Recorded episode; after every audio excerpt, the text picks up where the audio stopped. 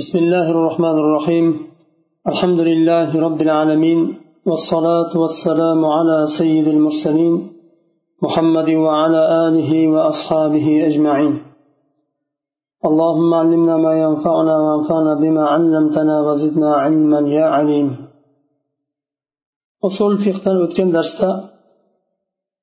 قول الصحابي sahobani so'zi dinda hujjat bo'ladimi?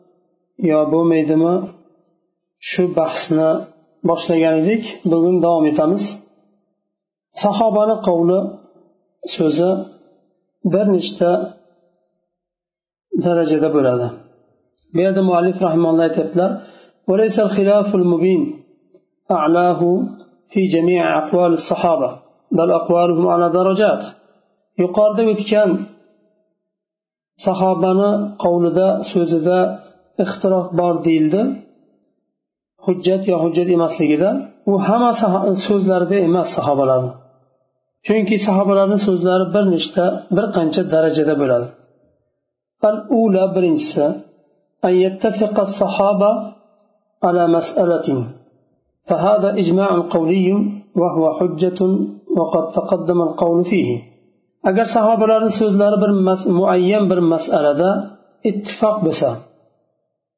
bu holda ijmo qavliy bo'ladi va dinda bu hujjat hisoblanadi. الثانية أن يتفق عليه الخلفاء الراشدون الأربعة وقد تقدم القول فيه أيضا وأنه يلزم الأخذ به وكذا ما أمر به بعض الخلفاء الراشدين وأخذ به الصحابة وذلك لحديث عليكم بسنتي وسنة الخلفاء الراشدين المهديين من بعد عضوا عليها بالنواجذ وقد وافق الشافعي على حجية أقوال الخلفاء الراشدين ikkinchi daraja xulafa roshidin lar to'rtta xulafolar abu bakr umar osmon va ali roziyallohu anhum agar shularni to'rt sahobani to'rt xulafoni nimasi so'zi ittifoq bo'lsa bir masalada bu holda bu so'zni olishlik lozim bo'ladi hujjat hisoblanadi. Va shuningdek xulofalarni ba'zilari masalan abu bakr va umar yoinki osmon bilan ali roziyallohu anhu ba'zilari bir masalani hukmini berdi va shu hukmni sahobalar qabul qildi boshqalari bu ham hujjat hisoblanadi.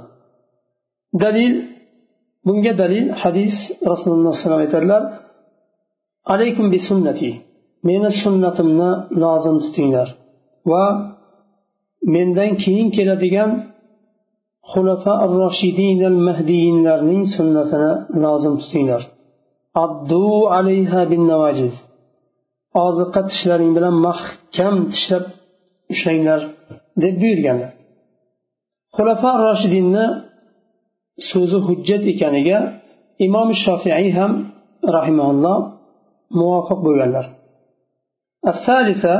أن يقول الصحابي قولا يعرف أنه قد انتشر وذاع بين الصحابة ولم يعلم أن أحدا منهم أنكره أو رد عليه فهذا النوع هو ما يسمى بالإجماع السكوتي وقد تقدم القول فيه في مبحث الإجماع. uchinchi darajasi sahobiy bir so'zni aytadi dinda va bu tarqalib sahobalarni orasida tarqalib ketgani mashhur bo'lmaydi. Tarqagani bilinmaydi. Va bu so'zga sahobalardan birortasi muxolif bo'lgani va inkor qilgani ham bilinmaydi. Birortasi inkor ham qilmagan rad ham qilmagan. Bu turdagi sahobani so'zi ijmo sukuti deyiladi yuqorida buni tafsiloti o'tdi ijmo sukuti nimaligi chunki sahobalar bunga raddiya bermadi sukut saqladi degan gap bo'ladi deb hisoblanadi ya'ni va ijmo sukuti hukmida bo'ladi الرابعة أن يقول الصحابي قولا لا يدرك بمجرد الرأي فهذا النوع وإن كان موقوفا في الظاهر له حكم المرفوع إلى النبي صلى الله عليه وسلم.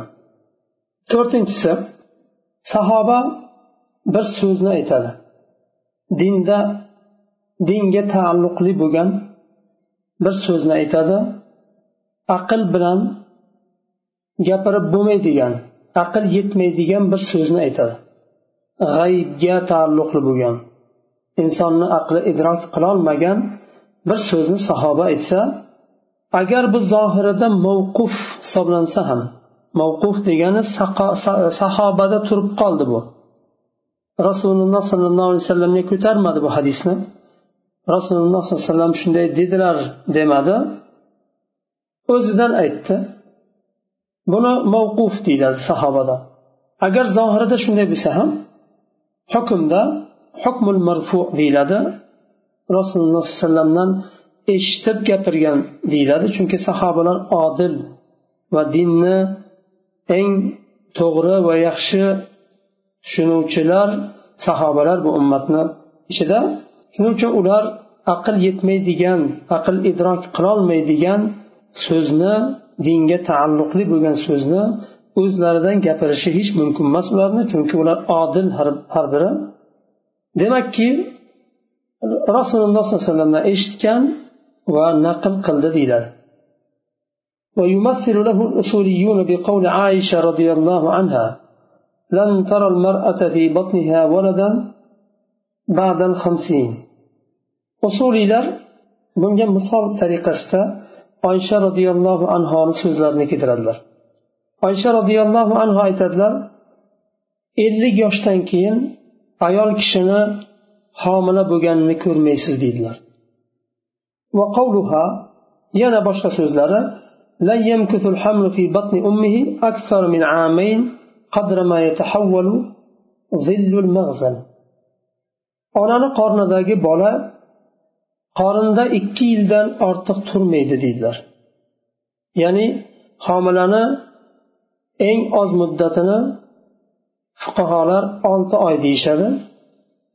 Oyati karimaga suyangan holda e, bolani emizish muddati alloh taolo ikki yil dedi. Va fasluhu va nimani e, onanidan ayirishlikni nima e, o'ttiz oy dedi. Demak ikki yil emizish bo'lsa onani qorni bilan birga o'ttiz oy bo'ladigan bo'lsa ikki yil yigirma to'rt oy olib tashlanadi olti oy nima e, homila muddati chiqariladi. Eng oz muddati olti oy degan fuqarolar va eng ko'p muddatida ixtiloflashilgan. Hatto imom shofiy to'rt yil degan eng ko'p muddati. Onani qornida bola tug'ilmasdan to'rt yil qolishi mumkin degan lekin bu og'ir masala yani to'rt yil qolishi qiyin narsa. Oysha roziyallohu anhu aytyaptilar ikki yil eng uzun muddat deyaptilar. Mag'zal haligi nimani to'qiydigan ipni haligi yundan ip to'qishadi. O'zlarini bir xos tayog'i bo'ladi. Shu ipni to'qiydigan ipni yundan ip chiqaradi. Buni e, g'azl deydi ipni mag'zal bu ipni yundan ipni to'qib chiqaradigan nimani aytadi. Yog'ochdan yasalgan. Shuni nimasiga tenglashtiryaptilar? E, quyoshga qo'yilsa bir xilda soyasi bir tarafdan ikkinchi tarafga o'tadi. O'shanga o'xshagan onani qornidagi bola ham qanday alloh taolo tabiiy yaratgan bo'lsa o'shanday tug'iladi onani qornidan فهذا النوع حجة وهو نوع من أنواع السنة bunday turdagi sahobani so'zi hujjat hisoblanadi chunki fikr bilan gapirib bo'lmaydigan g'aybga taalluqli bo'lgan narsalar sahobalar bunday so'zni o'zlaridan hech qachon gapirmaganlar bundan ko'ra boshqa e, oysha roziyallohu anhoni boshqa so'zlarini keltirgan Usuliylar olimlar. Bundan ko'ra yaxshiroq hujjat degan bir mazmunda e,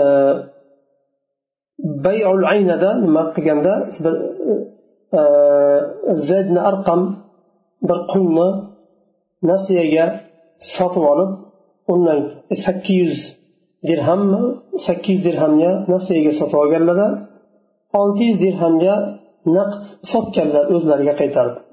buni eshitgan oysha roziyallohu anhu aytganlarki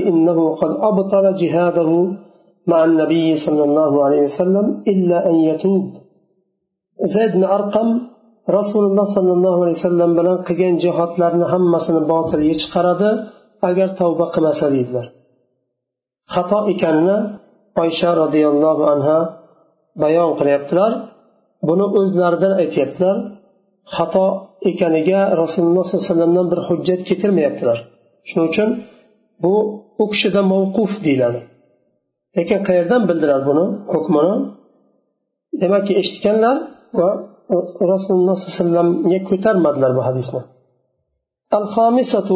أن يقول الصحابي قولا مما يدرك يدرك بالرأي ويخالفه فيه غيره من الصحابة فهذا النوع ذهب الجمهور إلى أنه ليس بحجة beshinchi darajadagi sahobalarni so'zi bir sahobiy bir qovulni so'zni aytadi fikr bilan aql bilan idrok qilib bo'ladigan bir so'zni aytadi va bu so'zga boshqa sahobalar muxolif bo'ladi bu turdagi sahobani so'zi jumhur buni hujjat emas deyishadi وذهب بعض الأصوليين والفقهاء منهم أبو حنيفة رحمه الله إلى أنه يلزم الأخذ بقول أحد الصحابة إذا اختلفوا. ولا يجوز الخروج عن أقوالهم إلى قول إلى قول غيرهم أو إحداث قول جديد. بعض أصوليلر وفقهاء ulardan abu hanifa rahimaulloh aytganlarki bunday so'z ya'ni bir sahoba bir so'zni aytgan bo'lsa aql bilan idrok qilinadigan so'zni aytdi.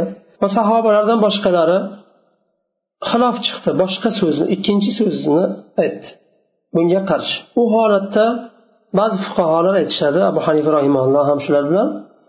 Aytadilarki sahobalarni so'zidan chiqishlik mumkin emas deydilar. Masalan aytaylik bir so'zni aytdi boshqa sahobiy unga qarshi boshqa so'zni aytdi. Ikkalasini so'zidan bittasini tanlanadi. Chunki sahobani so'zini ikkalasini ham tark qilib uchinchi bir yangi so'zni chiqarish mumkin emas deydilar.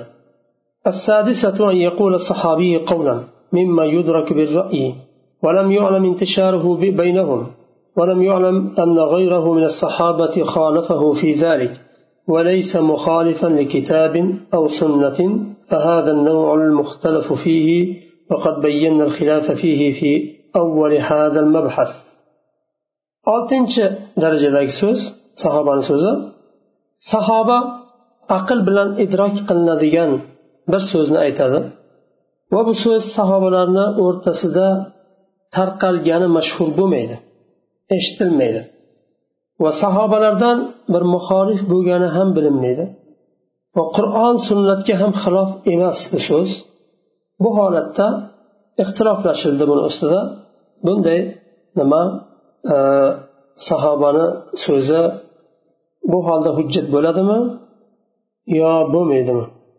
ونرجح أن هذا النوع من أقوال الصحابة ليس بحجة في الدين مؤلف رحمه الله ترجيح قريتلا bu turdagi sahobani so'zi dinda hujjat bo'lmaydi ولكن هو مع ذلك مما ستؤنس به لتقوية أحاديث الآحاد الواردة التي هو موافق لها shu bilan birgalikda agar bu so'z dinda hujjat emas desak ham ammo ohod hadislarni quvvatlashlik uchun qo'shimcha izofiy bir dalil sifatida qo'llanilsa bo'ladi agar shu ohod hadislarni ma'nosini kuchaytiradigan quvvatlaydigan bir so'z bo'lsa sahobani so'zini dalil sifatida qo'shimcha dalil sifatida keltirib nima qilish mumkin ويستأنس به المجتهد إذا وافق اجتهاده قول الصحابي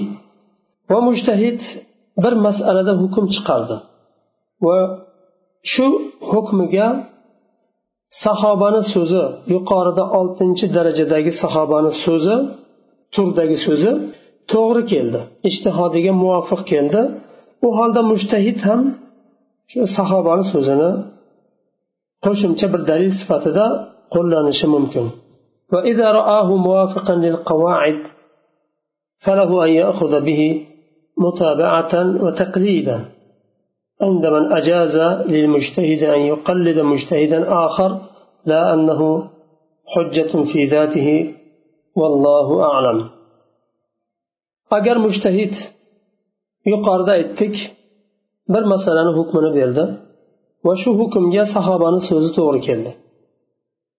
Va shu sahobani so'zi dindagi qoidalarga muvofiq keldi. Bu holda taqlid qilgan holda shu sahobaga ergashgan holda sahobani so'zini olishi mumkin. Bu ham kimni e, mazhabida? Mujtahid bir mujtahid ikkinchi mujtahidga taqlid qilsa bo'ladi degan ulamolarni mazhabida bu joiz. Chunki mujtahid mujtahidga taqlid qilishlik mumkinmi yo yo'qmi bunda ham xilof bor. Bir mujtahid ikkinchi mujtahidga taqlid qilishini ba'zi olimlar mumkin mumkin emas deydi. Agar taqlid qiladigan bo'lsa mujtahid emas. Muqallid deyiladi. Ammo bu so'z bunday turdagi sahobani so'zi o'zi alohida bir hujjat hisoblanmaydi. Qo'shimcha dalil sifatida qo'llanilsa bo'ladi. Tanbih بلغ عدد الذين آمنوا بالنبي صلى الله عليه وسلم في حياته عشرات الألوف والذين لهم راية رواية منهم في مسند الإمام أحمد قريب من سبعمية وخمسين نفسا أما الذين لهم آراء اجتهادية وفتاوى فلا يزيدون عن 150 المكثرون منهم سبعة والمتوسطون عشرون والباقي مقلون. انظر الإحكام لابن حزم. تنبيه beryaptilar bu yerda nima ya'ni qo'shimcha bir mulohaza beryaptilar qo'shimcha bir rasululloh sollallohu alayhi vasallamni hayotlik vaqtlarida u kishiga iymon keltirgan sahobalarni adadi adadi sanog'i o'nlarcha ming bo'ldi. O'n minglarcha bo'ldi ya'ni. Ammo ularni hammasi hadis rivoyat qilmadi ijtihod qilmadi dinda. Sanoqli va muayyan sahobalar dan ko'proq shu ishtihod nima hosil bo'lgan. Imom ahmad ibn hambal rahimaullohni musnatlarida keladi rasululloh sollallohu alayhi vasallamdan hadis rivoyat qilgan sahobalarni sanog'i soni yetti yuz elliktaga borgan.